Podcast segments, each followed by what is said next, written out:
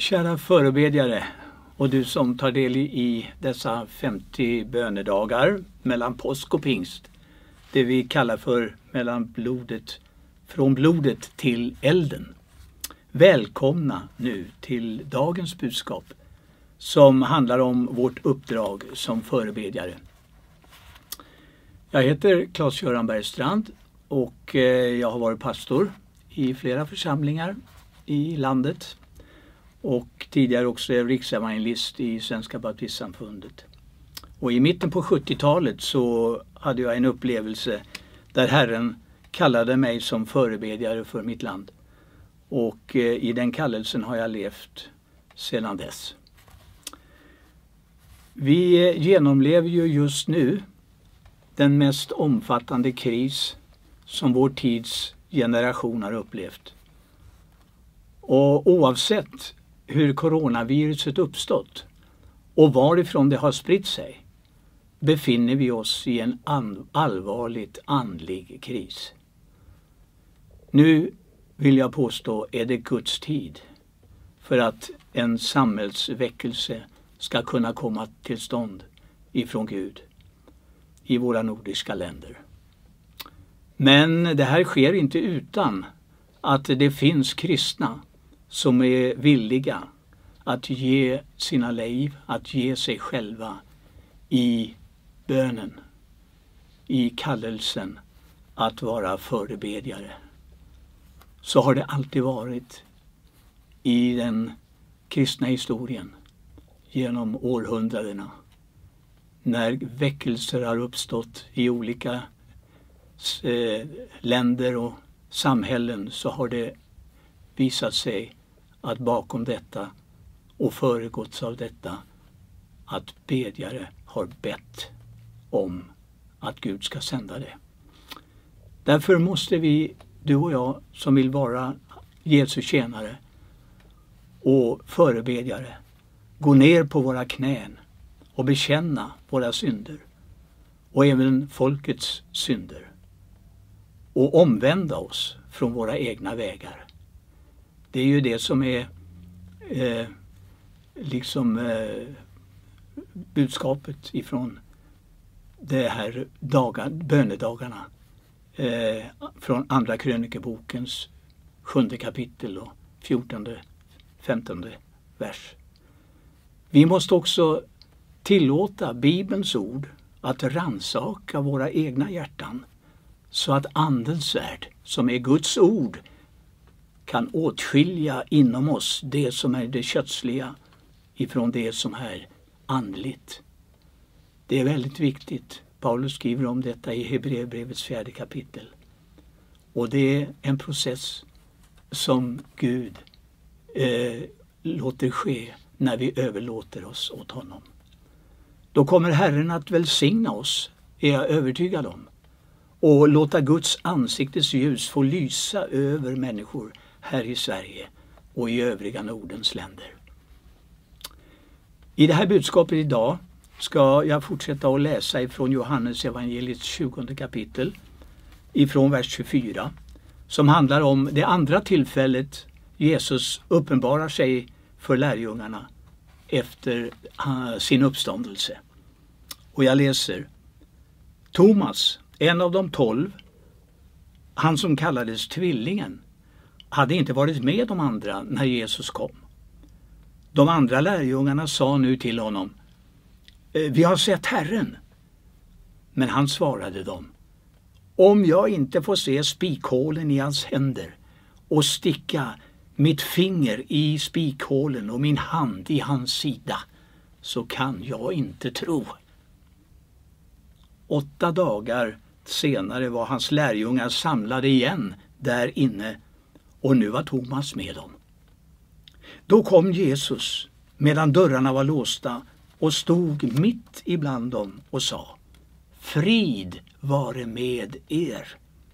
Sedan sa han till Thomas Kom med ditt finger och se mina händer. Kom med din hand och stick den i min sida. Och tvivla inte, utan tro. Thomas svarade honom min Herre och min Gud. Jesus sa till honom Du tror därför att du har sett mig.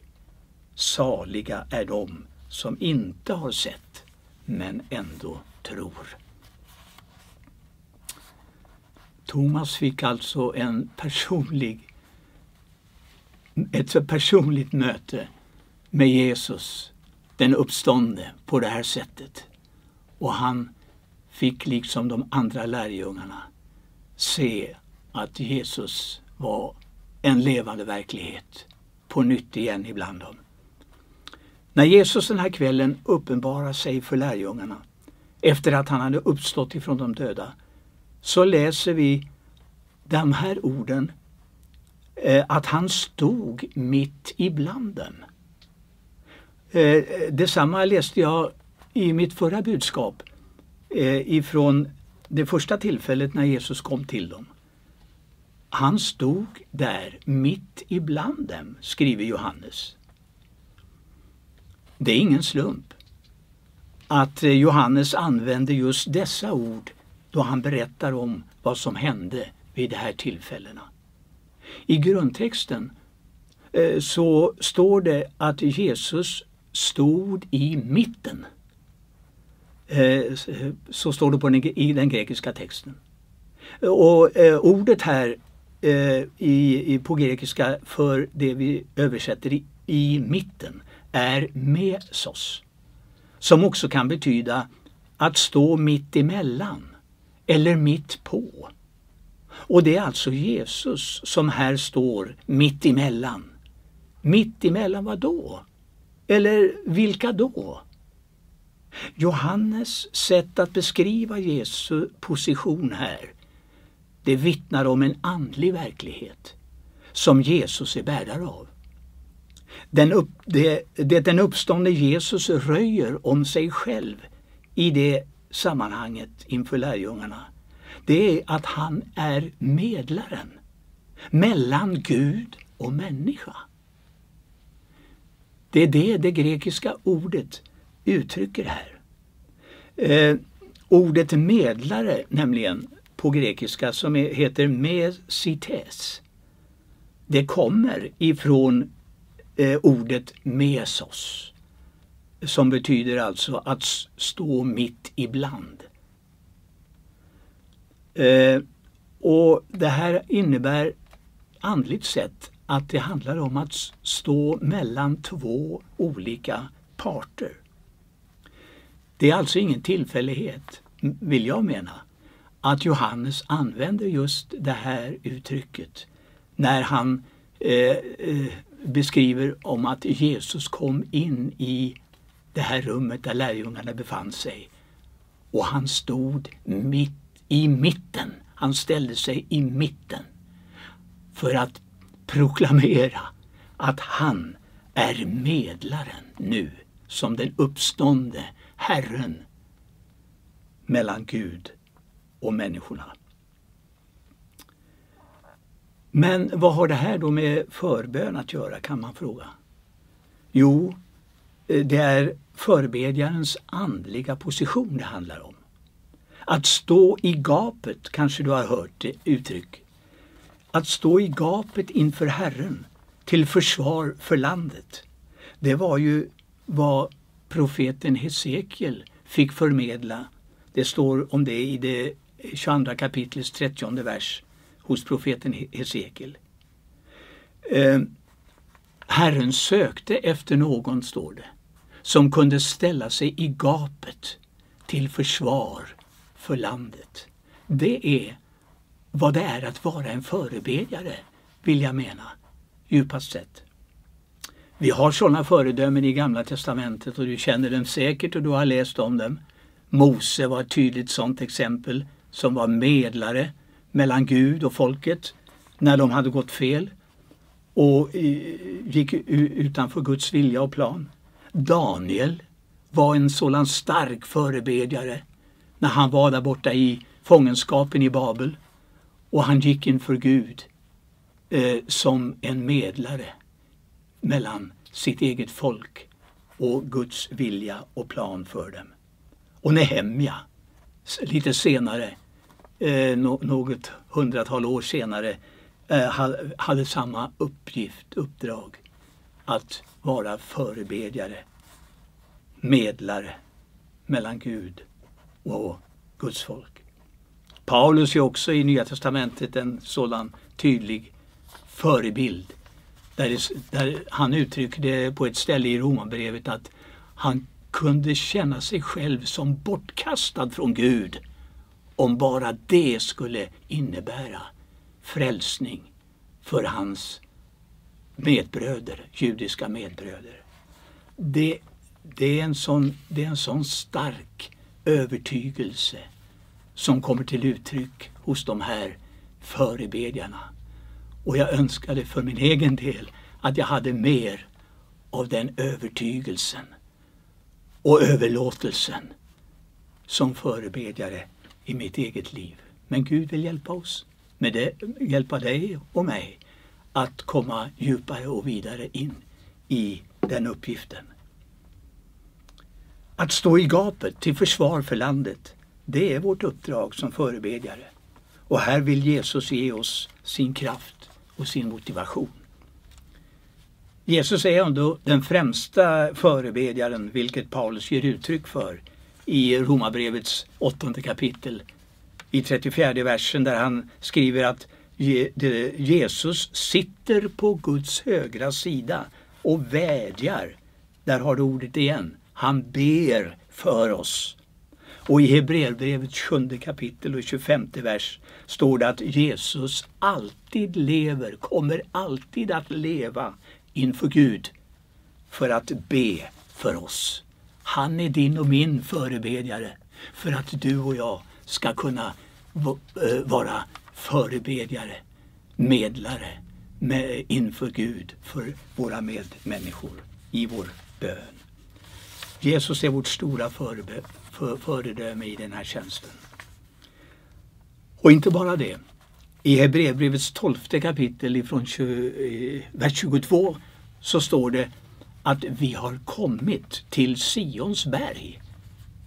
Alltså i de himmelska sfärerna och den levande Gudens stad. Och till det nya förbundets medlare, står det, som är Jesus. Andligt sett, när du och jag går in i bönen, när vi ber med den helige Andes hjälp och kraft, så kan vi nå, bara eh, ha den dimensionen att vara inför Gud direkt i det himmelska. Där Gud är och där Jesus är som medlaren. Vi liksom lärjungarna kan ha kontakt med den uppståndne Jesus, om än inte i kroppslig gestalt som de hade då i det vi läste här ifrån Johannes evangeliet, men i vår ande genom tron på Jesus. Och inte bara det här. Han är själv med oss, Jesus, när vi tjänar i förbönen inför Gud. Jag läser från första, Timote, eh, eh, första Timoteusbrevet 2, eh, ett välkänt sammanhang, tror jag, för, för dig som är med och lyssnar här. Eh, där eh, där eh, eh, Paulus ges föreskrifter för hur vi ber i våra gudstjänster, ska be i våra gudstjänster. Han säger först av allt uppmanar jag till bön, åkallan, förbön, tacksägelse för alla människor. För kungar och alla i ledande ställning så att vi kan leva ett lugnt och stilla liv. På allt sätt gudfruktigt och värdigt. Detta är gott och rätt inför Gud vår frälsare som vill att alla människor ska bli frälsta och komma till insikt om sanningen.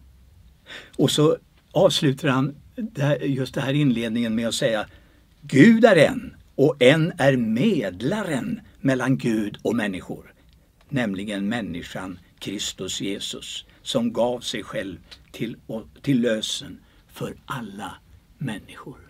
Det betyder att när du och jag i gudstjänsten eller där vi möts inför Herrens ansikte eh, ber tillsammans så är han där, Jesus, medlaren, för att leda oss i hur och vad vi ska be om. För det säger ju inte Paulus här, eller hur? Han säger att vi ska be för alla människor. Ja, allmänt ska vi göra det. Vi ska be för kungar och de som är i ledande ställning. Ja visst, det ska vi göra. Men vad vi ska be om för dessa människor, det säger han inte. Det behöver vi få ledning från Gud själv genom Jesus Kristus som är medlaren mellan Gud och människor. Ser du vilken fantastisk uppgift vi har och möjlighet i förbönens tjänst. Och ett annat sammanhang som jag också är övertygad om att du eh, väl känner igen det som vi läser i Matteus evangeliets 18 kapitel. Där Jesus lovar till sina lärjungar, det är ett sånt starkt löfte som Jesus ger till oss som hans lärjungar och förebedjare i det här sammanhanget. Han säger om två av er här på jorden kommer överens om att be om något, vad det än är, så ska, det, så ska de få det av min far i himmelen.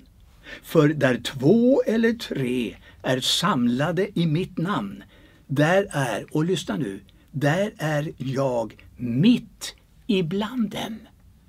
Det är samma grekiska uttryck här som vi läste om hos det Johannes eh, berättar om när Jesus mötte lärjungarna efter sin uppståndelse. Han kom och var mitt ibland dem.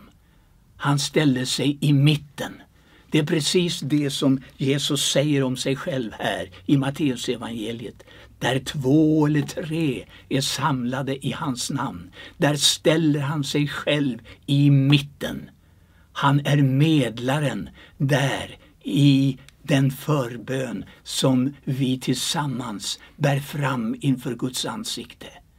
Kan du förstå och se att det är kraft i en sådan bön inför Gud? Han ska ge bönesvar så kan du och jag se på vår egen situation. Att eh, dessa omerdagar, vi räknar ju de här dagarna nu mellan påsk och pingst som kallas att räkna omer, eh, omerdagar. Det kan få vara en förberedelse för att ta emot en ny andedjutelse under pingsthögtiden som närmar sig. Som rustar oss för den tid som ligger framför i våra nordiska länder. Under de här 40 dagarna fram till att Jesus återvände till himlen så undervisade han lärjungarna om livet i Guds rike. På samma sätt så tror jag att Herren vill undervisa oss om hans makt och kraft i förbönstjänsten under de omedagar som är kvar fram till pingsthögtiden. Ska vi avsluta att be tillsammans om att vi ska få ta emot med denna undervisning från Jesu eget hjärta. Fader i himmelen, vi tackar dig och prisar dig för att du har alla de resurser som behövs för att din, ditt rike ska bli uppenbart och synligt i den här världen, ibland människorna. Tack för att du har kallat oss till att vara dina medarbetare på olika sätt med de olika gåvor du har givit till oss. Och Herre, nu ber vi att vi ska få tjäna dig med glädje och i överlåtelse till dig själv. Vi ber om en ny pingst under denna högtid som nu stundar. Vi ber om en andeutgjutelse i våra egna liv och ibland ditt folk, Guds folk i Sverige och i Nordens länder. Kom över oss, kom till oss. Vi ber Herre, i Jesu Kristi namn. Amen. Tack för att du har varit med också den här stunden i min undervisning och jag önskar dig Guds rika välsignelse. Amen.